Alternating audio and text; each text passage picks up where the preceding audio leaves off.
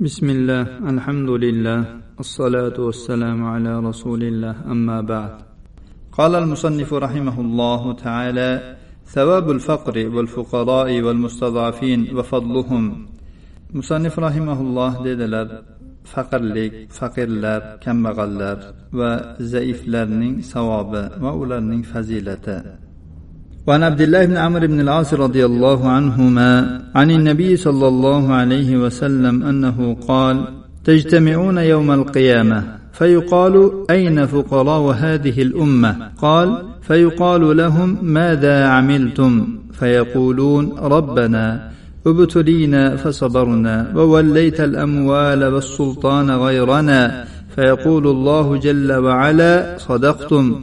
قال فيدخلون الجنة قبل الناس وتبقى شدة الحساب على ذوي الأموال والسلطان. قال قالوا فأين المؤمنون يومئذ؟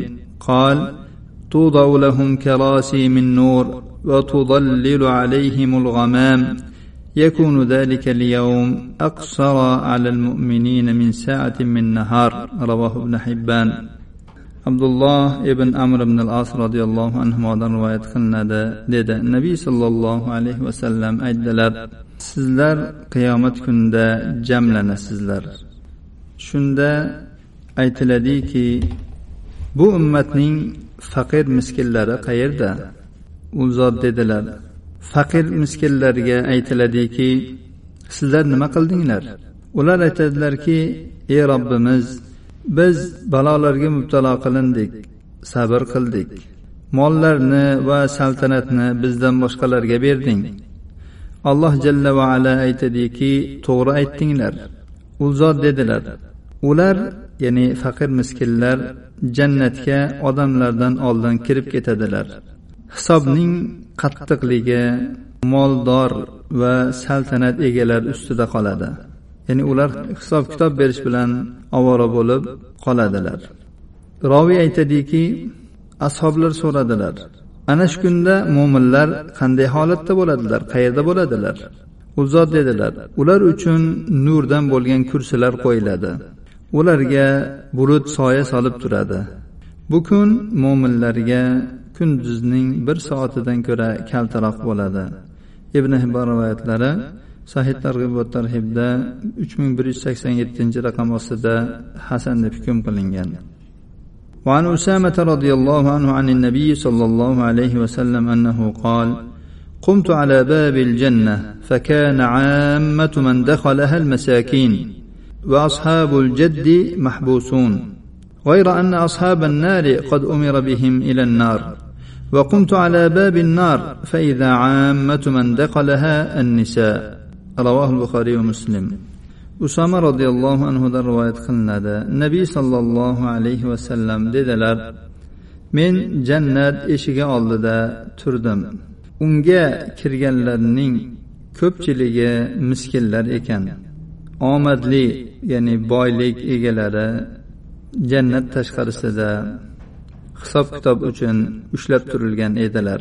Biroq do'zax ahli uchun ularni do'zaxga kiritishga buyurilgandi do'zax eshigi oldiga kelib qaradim do'zaxga kirganlarning ko'pchiligi ayollar ekan imom buxoriy va muslim rivoyatlari وعن ابن عباس رضي الله عنهما عن النبي صلى الله عليه وسلم انه قال اطلعت في الجنه فرايت اكثر اهلها الفقراء واطلعت في النار فرايت اكثر اهلها النساء رواه البخاري ومسلم ibn abbos roziyallohu anhudan rivoyat qilinadi nabiy sollallohu alayhi vasallam dedilar men jannatga qaradim uning aksar ahli faqirlar ekanini ko'rdim va do'zaxga qaradim uning aksar ahli ayollar ekanini ko'rdim imom buxoriy va muslim rivoyatlari وعن ابي ذر رضي الله عنه قال قال لي رسول الله صلى الله عليه وسلم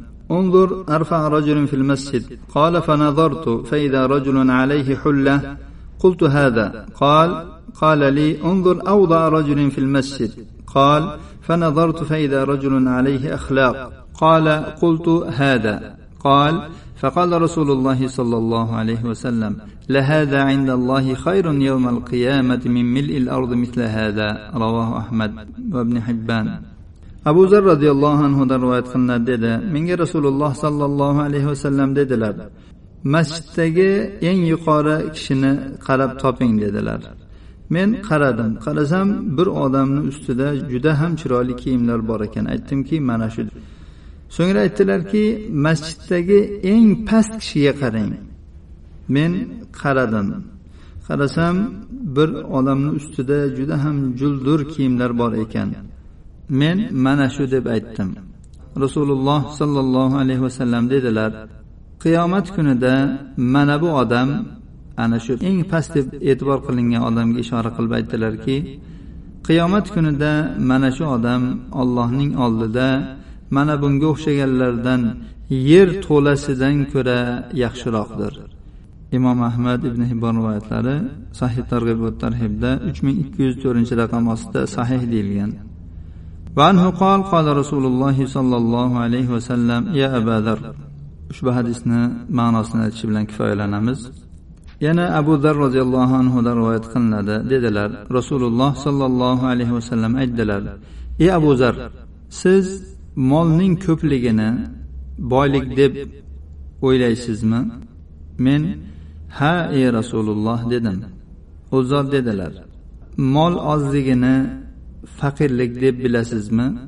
Men ha ey rasululloh dedim.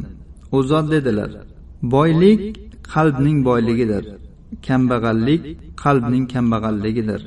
So'ngra mendan qurayshdan bo'lgan bir kishi haqida so'radilar aytdilarki falonchini taniysizmi? Men ha ey rasululloh dedim. U zot dedilar. Siz uni qanday deb ko'rasiz? Yoki u haqidagi fikringiz qanday? Men dedim. U odam biror narsa so'raydigan bo'lsa unga beriladi. Agar keladigan bo'lsa uni uyiga kiritiladi. U zot mendan suffa ahlidan bo'lgan boshqa bir kishi haqida so'radilar. Aytdilarki falonchini taniysizmi? Men allohga qasamki yo'q u odamni tanimayman ey rasululloh dedim.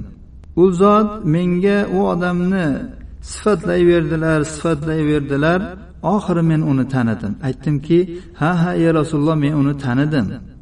U zot dedilar unga siz qanday qaraysiz? Yoki uning haqida fikringiz nima? Men dedim u odam miskin suffa ahlidan. U zot dedilar. U ya'ni ana shu ahli sufadan bo'lgan odam yer kurrasi to'la ana shunday sifatdagi odamlar bo'lishidan ko'ra yaxshiroqdir. Men dedim ey rasululloh mana bu odam ham narigi berilgan narsalardan ba'zi narsalar berilishi mumkin emasmi? Ya'ni unga ham berilmaydimi? U zot aytdilarki agar unga bir yaxshilik beriladigan bo'lsa u unga ahldir.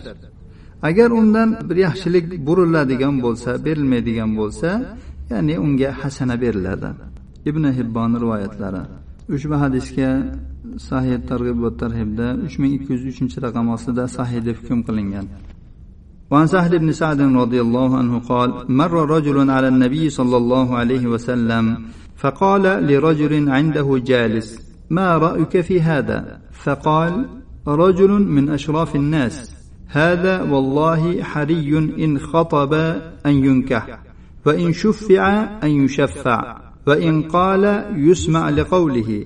فقال فسكت رسول الله صلى الله عليه وسلم ثم مر رجل فقال رسول الله صلى الله عليه وسلم ما رأيك في هذا؟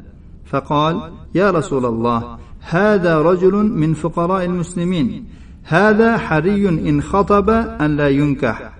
وان شفع الا يشفع وان قال الا يسمع لقوله فقال رسول الله صلى الله عليه وسلم هذا خير من ملء الارض من مثل هذا رواه البخاري ومسلم سهل بن سعد رضي الله عنه rivoyat qilinadi dedi nabiy sollallohu alayhi vasallamning oldidan bir kishi o'tib qoldi Shunda u zot oldilarida o'tirgan bir kishiga dedilar mana bu odam haqida fikringiz qanday?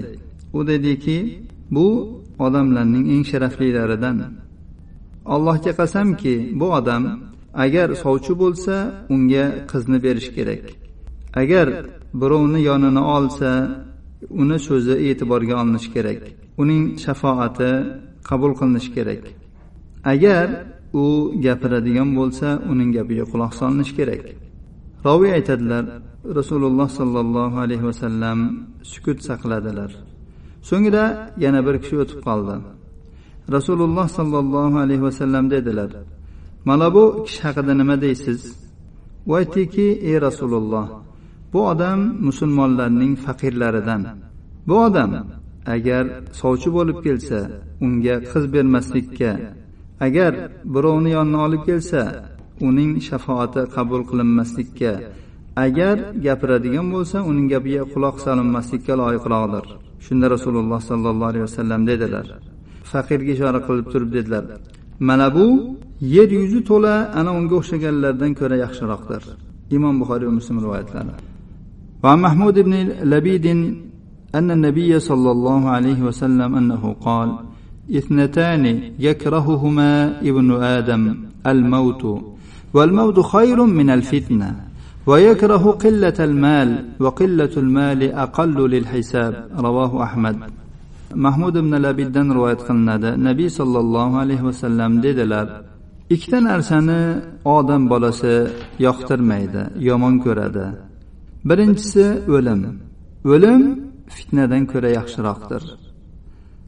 u molning ozligini yomon ko'radi molning ozligi hisob uchun yengilroqdir imom ahmad rivoyatlari sahih targ'ib va tarhibda uch ming ikki yuz o'ninchi raqam ostida sahih deyilgan وعن ابي سعيد الخدري رضي الله عنه عن النبي صلى الله عليه وسلم انه قال احتجت الجنه والنار فقالت النار في الجبارون والمتكبرون وقالت الجنة في ضعفاء المسلمين ومساكينهم فقضى الله بينهما إنك الجنة رحمتي أرحم بك من أشاء وإنك النار عذابي أعذب بك من أشاء ولكليكما علي ملؤها رواه مسلم أبو سعيد الخدري رضي الله عنه در روايت قلنادا النبي صلى الله عليه وسلم dediler Cennet ve dozaq tartışıp kalıştı.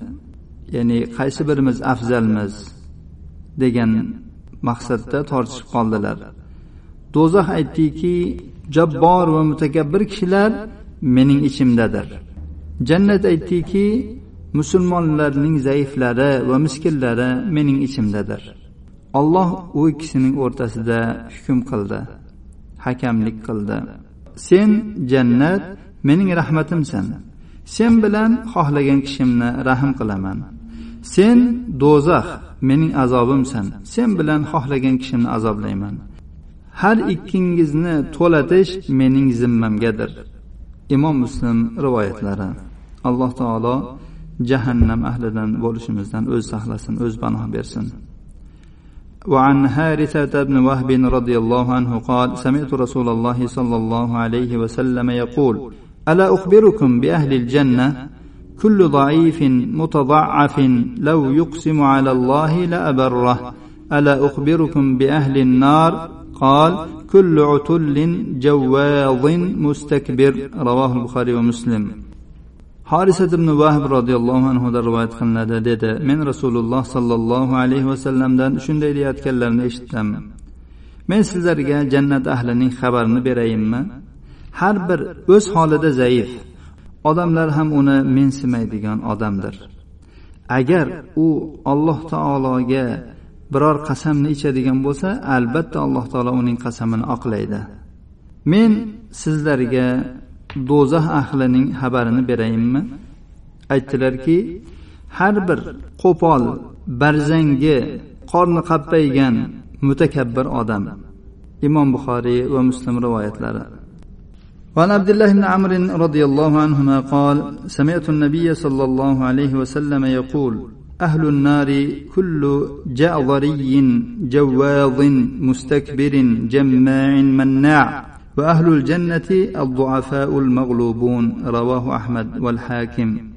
abdulloh ibn amr roziyallohu anhudan rivoyat qilinadi dedi nabiy sollallohu alayhi vasallamdan shunday deyayotganlarini eshitdim do'zax ahli har bir o'zida bo'lmagan narsa bilan keriladigan barzangi o'zini kibrli tutuvchi mollarni jamlab haqdorlarga bermaydigan odam. Ahli jannat esa zaif mag'lub kishilardir. Imom ahmad hokim rivoyatlari ushbu hadisga sahih targ'ib va tarhibda uch ming bir yuz to'qson yettinchi raqam ostida sahih deb hukm qilingan.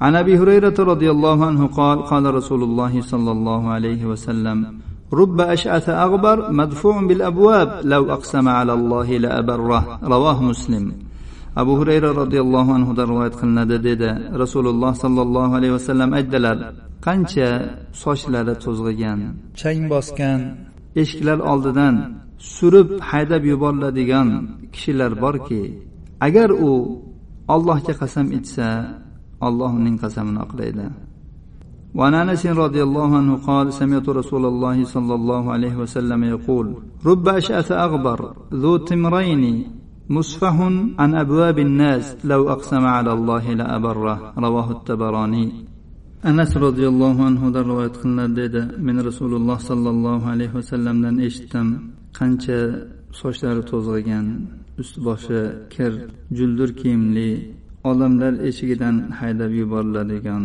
odamlar borki agar ulardan biri alloh taologa qasam ichsa alloh taolo albatta uning qasamini oqlaydi ya'ni bu odam ollohning oldida e'tiborlidir tabaroniy rivoyatlari ushbu hadisga sahih targ'ib va tarhibda uch ming ikki yuz o'n ikkinchi raqam ostida sahihun deb hukm qilingan وعن فضالة بن عبيد رضي الله عنه قال قال رسول الله صلى الله عليه وسلم اللهم من آمن بك وشهد أني رسولك فحبب إليه لقاءك وسهل عليه قضاءك وأقلل له من الدنيا. ومن لم يؤمن بك ويشهد أني رسولك فلا تحبب إليه لقاءك ولا تسهل عليه قضاءك وكثر عليه من الدنيا. رواه الطبراني وابن حبان.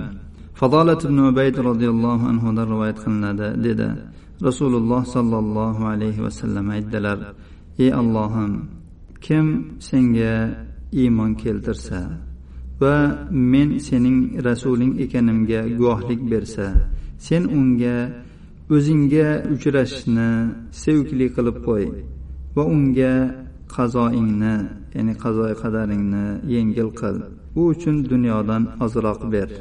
Kim senga iymon keltirmasa va men sening rasuling ekanimga guvohlik bermasa sen unga o'zingga uchrashishni suyukli qilma va unga qazoingni yengil qilma. Unga dunyodan ko'paytirib ber. Tabaroniy ibn hibbon rivoyatlari sahih targ'ib va tarhibda uch ming ikki yuz to'qqizinchi raqam ostida sahih deyilgan. Bugungi darsimizda o'qigan hadislarimizning barchasi faqir miskinlarning fazilati va ularning savoblari haqida edi. Alloh subhanahu va taolodan berganiga rozi bo'ladigan va bergan ne'matlarini tanib uning haqqini o'taydigan solih bandalardan qilishni so'raymiz. Hada va sallallohu ala nabiyina muhammad va ala alihi va sahbihi vasallam